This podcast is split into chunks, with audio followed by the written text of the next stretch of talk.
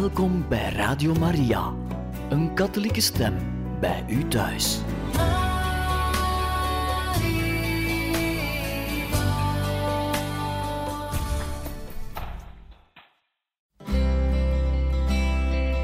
Welkom bij Boekat, een programma van Radio Maria.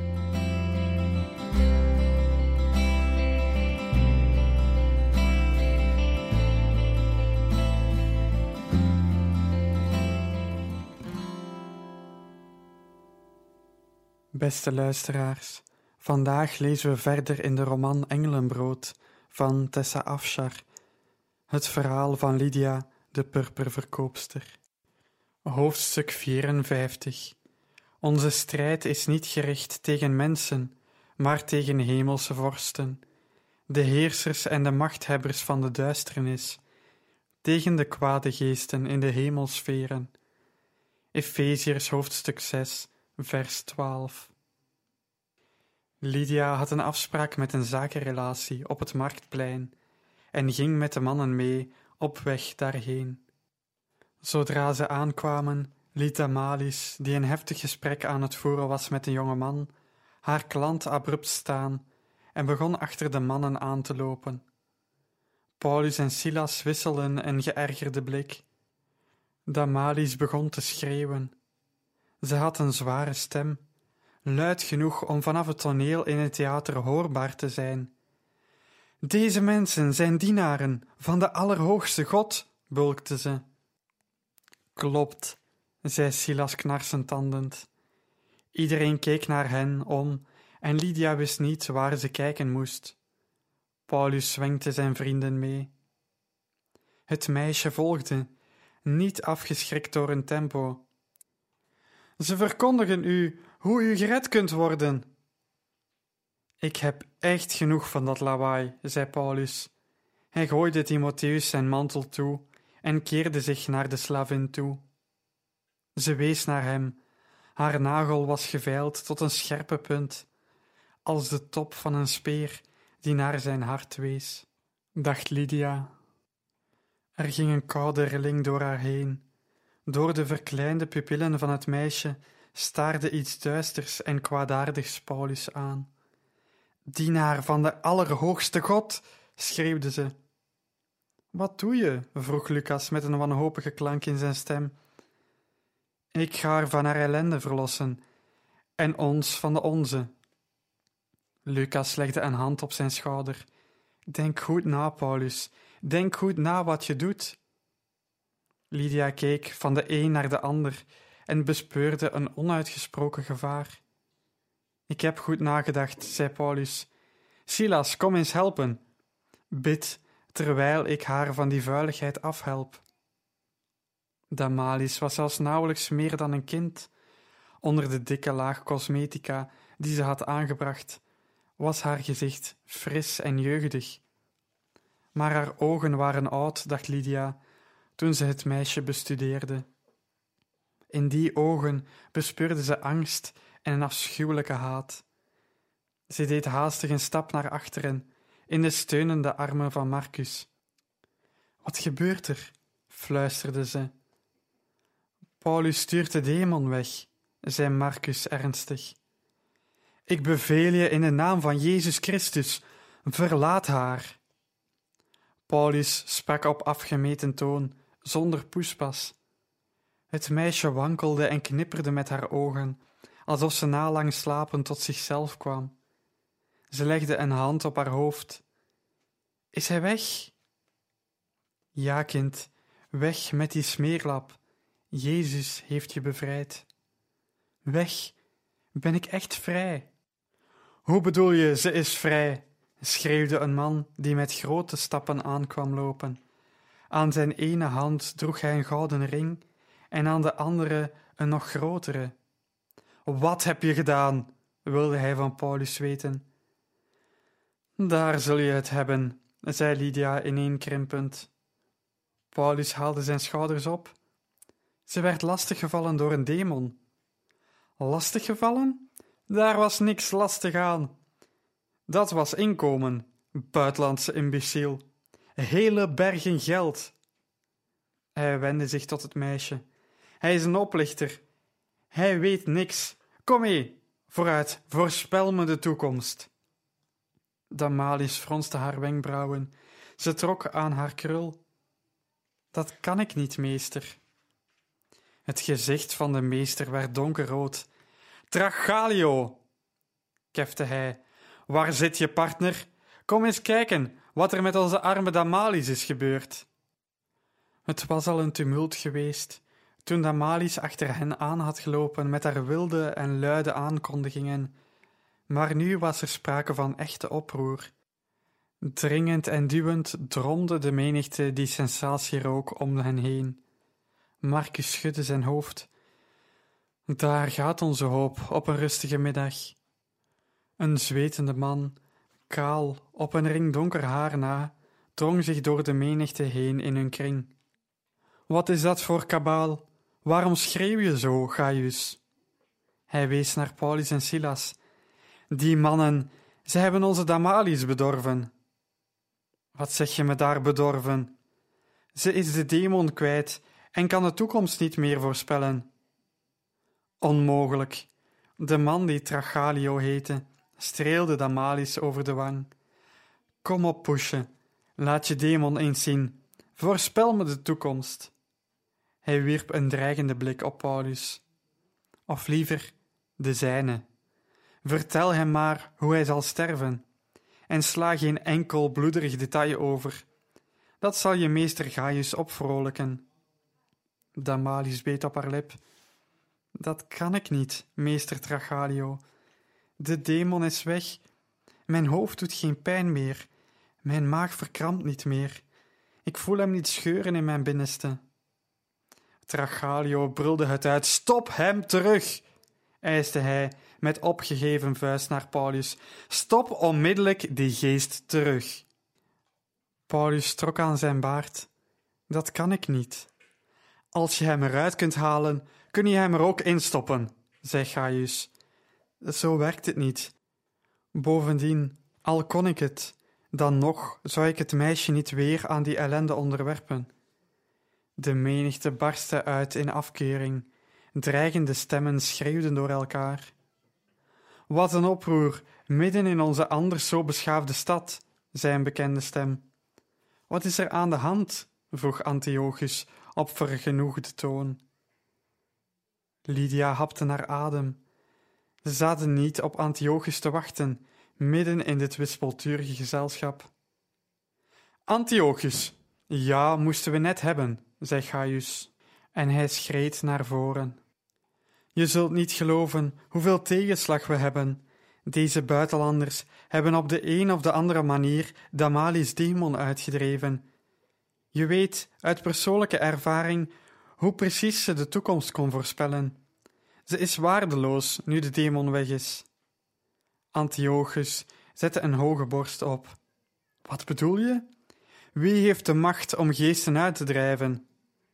Deze mannen. Ze hebben Damaris op de een of de andere manier betoverd, of de demon uit haar geperst. Ik weet het niet, maar onze enorme investering is weg. Onze hoop op grote rijkdom is verbrijzeld. Deze mannen? Dat zijn gasten van Lydia. Iedereen keek om naar Lydia. Ze zijn inderdaad mijn gasten, maar. Tragalio krabde zijn witte kale hoofd. Dat is pijnlijk. Lydia moest wijzer zijn dan zulke schurken bij haar thuis te ontvangen, zei Antiochus. Ik zou bijna zeggen dat ze verantwoordelijk is. Ze moet absoluut de schade vergoeden. Ze hebben niet alleen Tragalio en Gaius kwaad berokkend, maar alle goede mensen van Filippi een onaanvaardbare belediging aangedaan. Wie zijn zij om onze gewoonten te beschimpen? Geen idee. Tragalio trok de hals van zijn tuniek losser. Ofwel, ze herstellen Damalis tot haar vroegere zelf, of ze betalen ons terug. Met de huid van hun rug, zei Antiochus. In zijn ogen straalde een vreemd licht.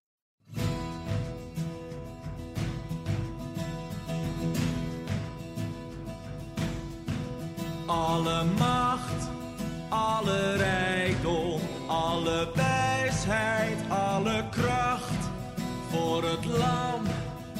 geslacht is.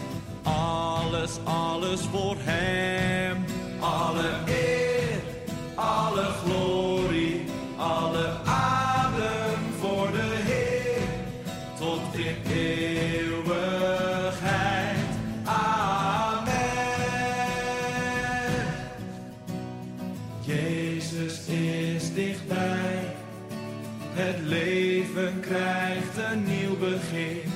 De strijd komt tot een eind.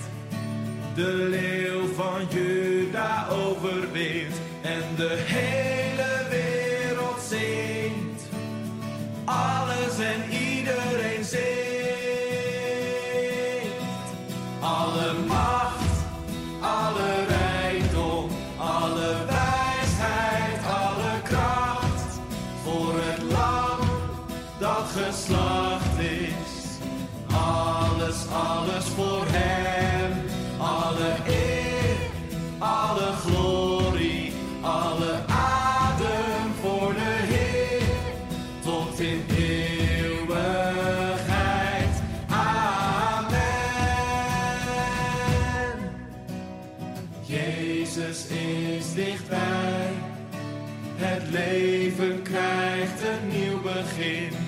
De strijd komt tot een eind. De leeuw van Juda overwint. En de hele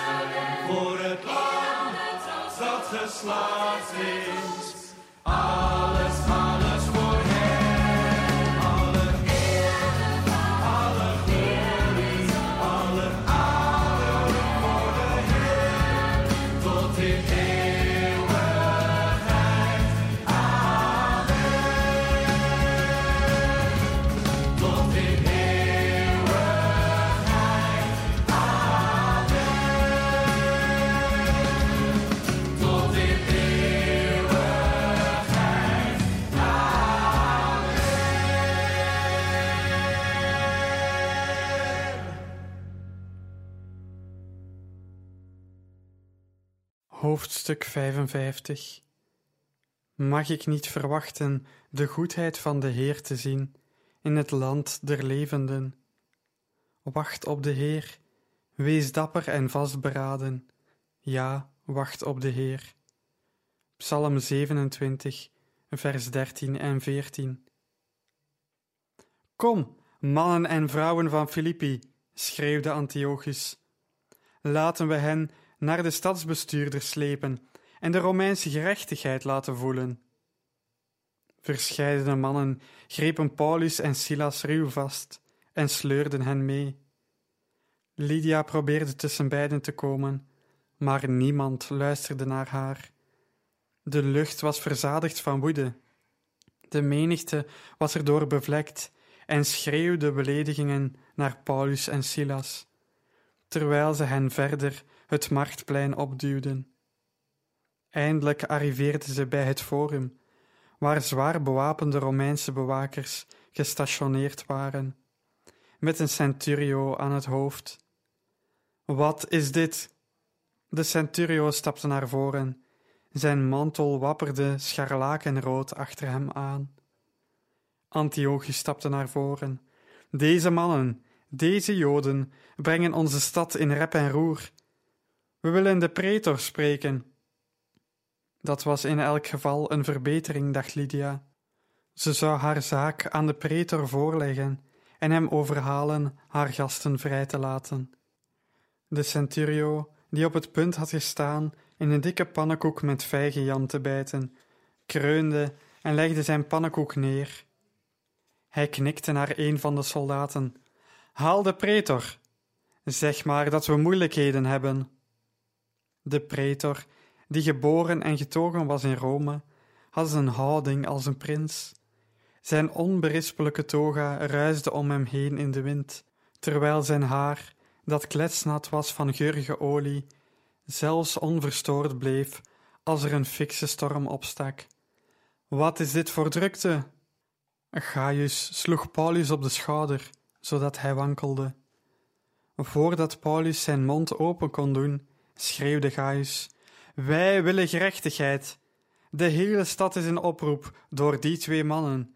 U kunt met eigen ogen zien dat er bijna rellen uitbreken, en dat allemaal door die Joden. De pretor keek van Silus naar Paulus.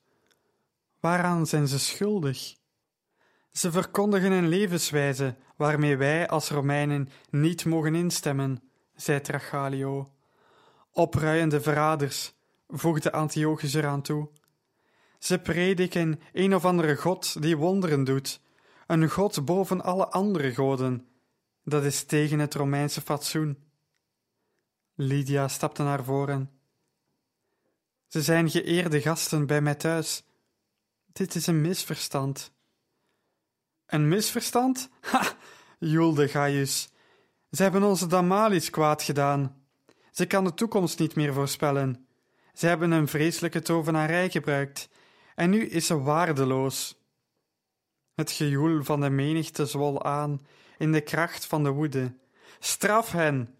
Straf hen! De pretor stak een hand op. Bedaar, inwoners van Filippi. Hij wees naar de centurio. Scheuren de kleren van het lijf. Wat doet u? Riep Lydia ontsteld. Luister alsjeblieft naar mij, ze zijn mijn gasten. Dat spijt me wel, maar deze mensen komen pas tot bedaren als we ze geven wat ze willen. Ziet u niet dat ze op geweld uit zijn? Uw gasten hadden zich niet met het slavinnetje moeten bemoeien. Paulus verzette zich tegen de man die hem vasthield. Wacht, mannen van Filippi, luister naar mij. De centurio ramde een elleboog in zijn mond. Paulus viel op zijn knieën. Door een waas hoorde Lydia Silas schreeuwen: Wacht, broeders, wat mijn vriend zei was. Verder kwam hij niet, want ook hij kreeg een brutale klap. Lydia rende naar de pretor toe. Alsjeblieft, u moet hier een eind aan maken. U begaat een vergissing. De Romein schudde zijn hoofd. Ik kan nu niet stoppen. Wilt u een echte opstand? Ik zal hun stokslagen laten geven om de menigte af te laten koelen, en voor een nacht in onze gevangenis sturen. Morgenochtend, als de menigte gekalmeerd is, zal ik hen vrijlaten. Lydia wankelde terug en bleef bibberend staan toekijken. Niet bij machte om haar vrienden te helpen. Het lawaai van de menigte was zo aangezwollen dat zijn poging om te spreken door de cacophonie overstemd werd. Hij had een dikke houten stok in zijn hand en bracht Paulus de eerste slag toe. Paulus' hele lijf schokte. Voordat hij tijd had om adem te halen, ranselde de stok opnieuw zijn rug. Hij brulde. Lydia schreeuwde het uit, sidderend van afgrijzen. Het was haar vaders lot dat ze opnieuw beleefde. Marcus trok haar in zijn armen en drukte haar gezicht tegen zijn borst, om haar tegen het ergste te beschermen. Ze zijn sterk, fluisterde hij in Lydia's oor. Ze herstellen wel. De slagen namen niet af. Lydia hoorde het geluid van de stok op het vlees en het gekerm van haar vrienden, die zich door een orkaan van pijn worstelden. Ze vroeg zich af of ze ooit nog zouden kunnen lopen. Toen de afranseling eindelijk ophield, vielen Paulus en Silas op hun gezicht. Lydia's blik was wazig van tranen. Door een sluier van ontzetting zag ze een klein figuurtje dat zich een kort ogenblik over Paulus heen boog. Damalis. De tranen stroomden over haar gezicht, dat bevlekt was met kool en uitgesmeerde make-up. Dank u wel, zei ze. Iemand pakte haar bij de arm en trok haar weg. Paulus glimlachte. Wat valt er te lachen, jij misselijke rat? vroeg Antiochus, voordat hij hem een gemene schop in zijn zij bezorgde. Oh, Paulus gromde. Hij spuugde een straaltje bloed uit, omdat hij op zijn lip had gebeten. Zijn glimlach werd breder. Ik lach, omdat het het waard was. Antiochus haalde zijn been naar achteren om hem nog een schop te bezorgen. Lydia stopte een vuist in haar mond om het niet uit te schreeuwen. Op dat moment duwde de centurio Antiochus opzij. Hij heeft genoeg gehad. Hij gaat nu naar de gevangenis. Paulus en Silas werden overeind getrokken. Ze waren gehavend, maar ze hadden hun vredebehandeling allebei overleefd. Lydia en Marcus, samen met Lucas en Timotheus, volgden hun vrienden toen ze naar de gevangenis werden gebracht.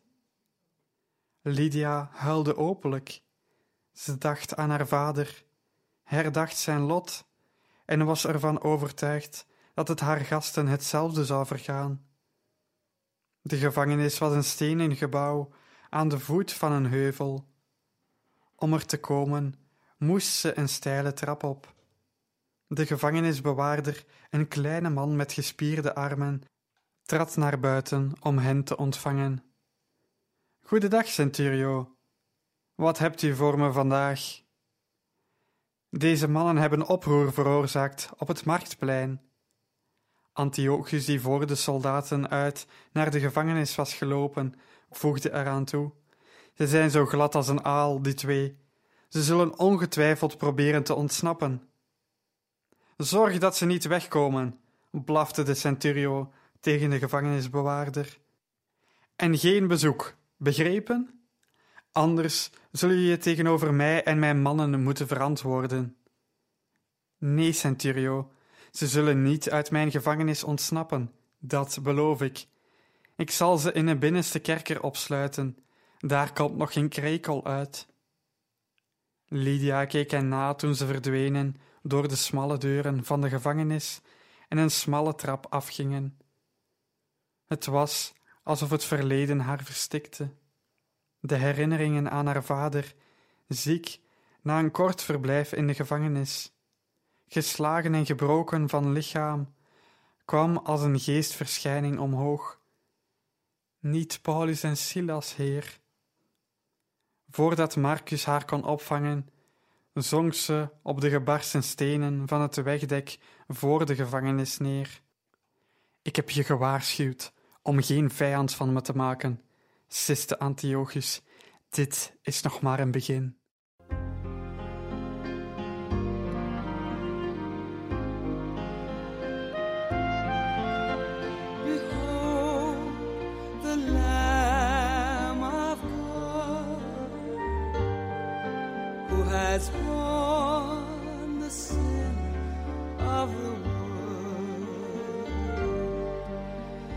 Mercy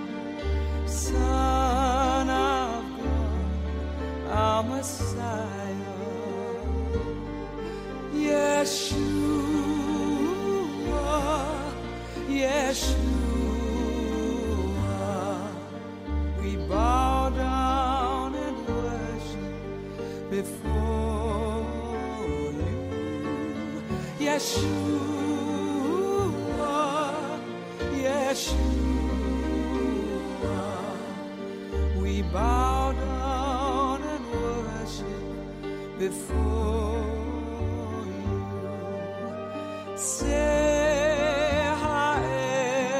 Elohim, Hanoseh.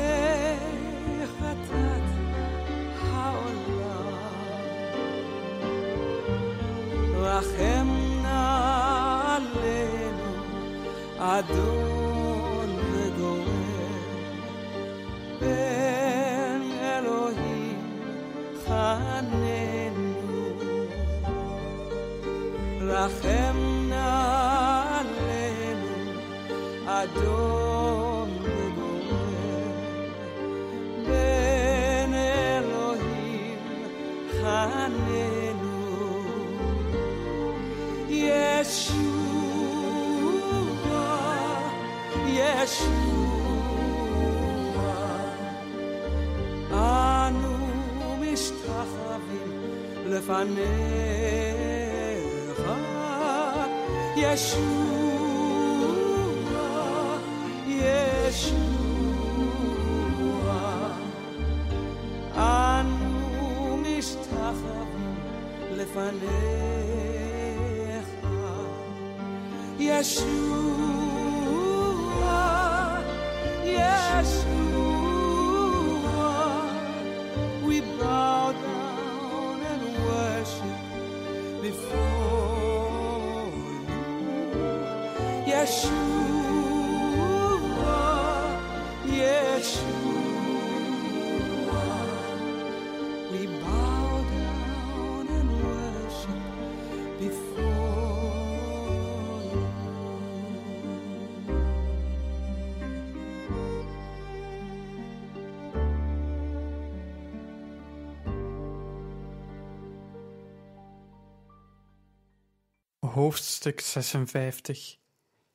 En wij weten dat voor wie God liefhebben, voor wie volgens zijn voornemen geroepen zijn, alles bijdraagt aan het goede.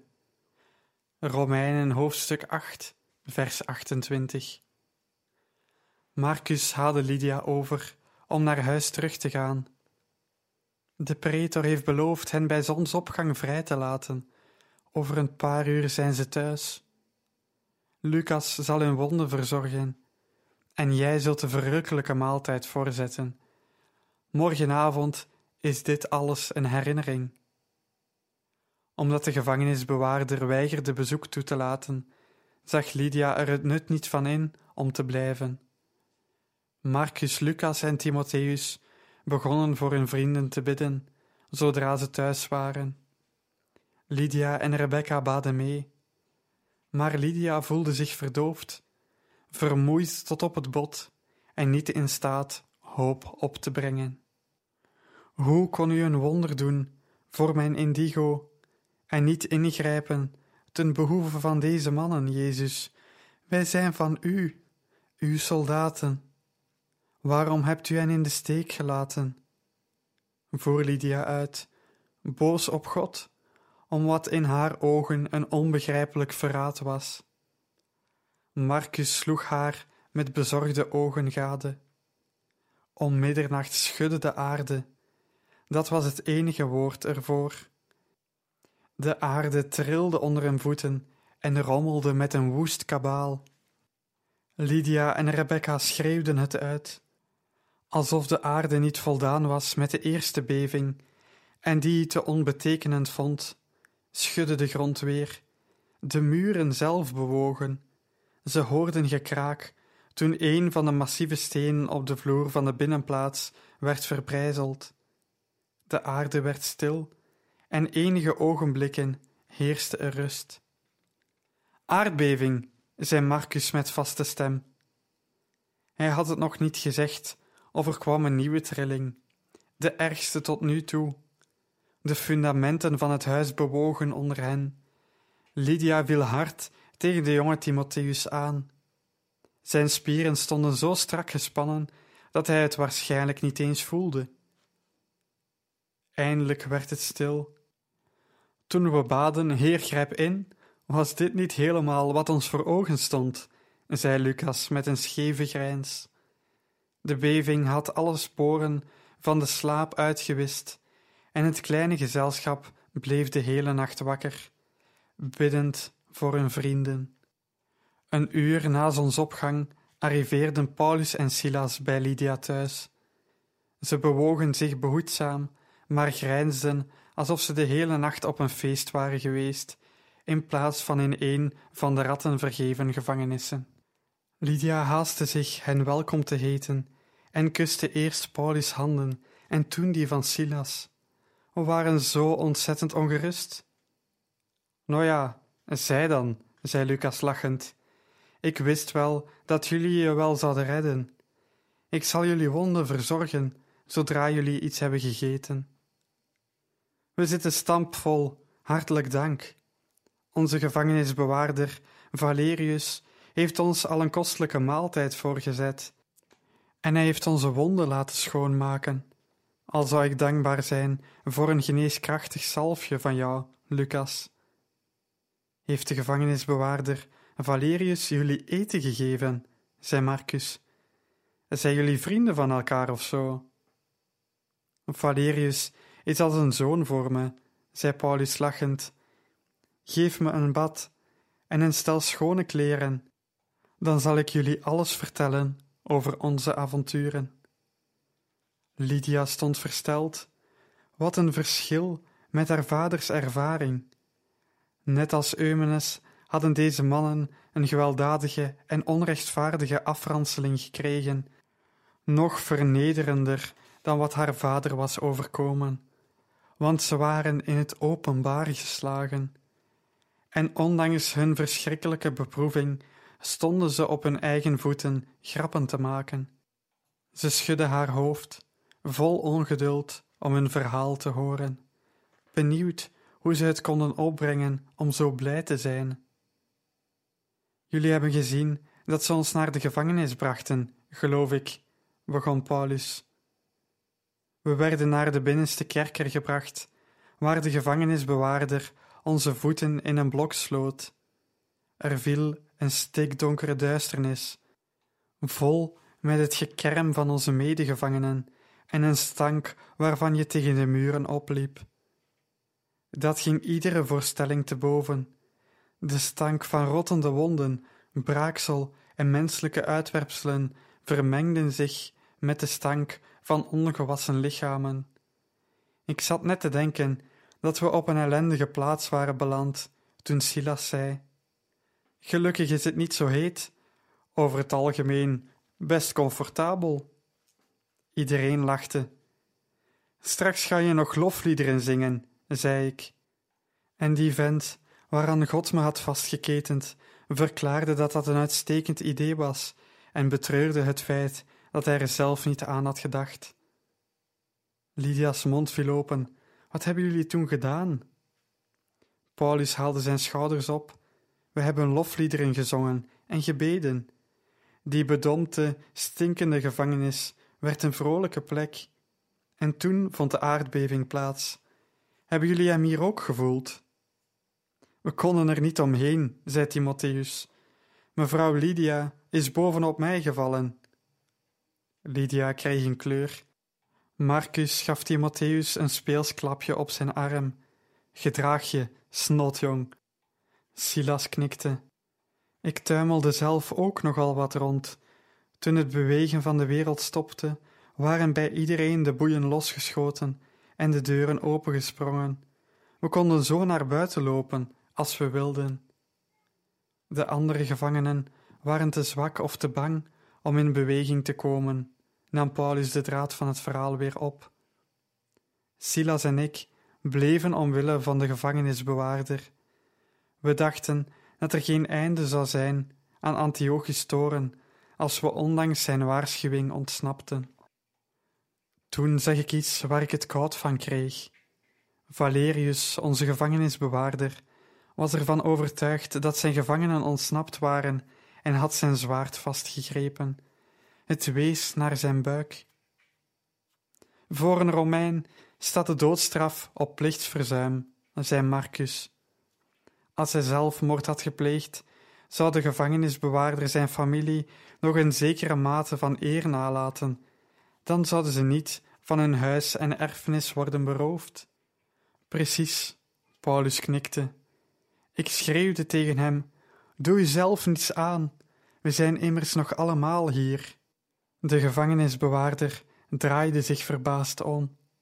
Hij hield het zwaard nog in zijn hand, de scherpe punt gevaarlijk dicht bij zijn ingewanden.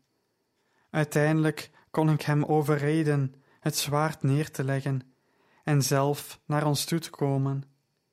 Hij was verbijsterd toen hij ontdekte dat we niet waren ontsnapt en viel bevend voor ons op de grond. "Wa- waarom bent u niet ontsnapt?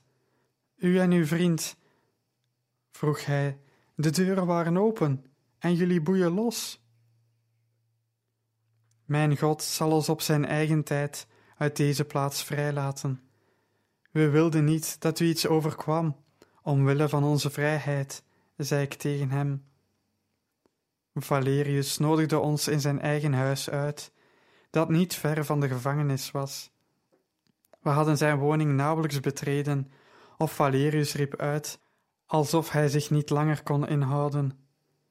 Ik heb de geduchte macht van uw God gezien, in de aardbeving, waardoor jullie boeien zijn losgeschoten. Ook heb ik door u zijn genade gezien. Heren, wat moet ik doen om gered te worden? Paulus haalde diep adem. Een ogenblik zakten zijn ogen dicht. Elke striem, elke folterende slag met die houten stok had de weg gebaand voor dit moment. Wat een koopje, wat een voordelige ruil, om met ons eigen bloed te betalen voor het leven van een man. Als we niet in de gevangenis waren beland, hadden we hem nooit leren kennen.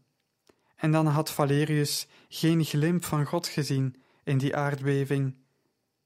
Voor wie God liefhebben, draagt alles bij tot het goede.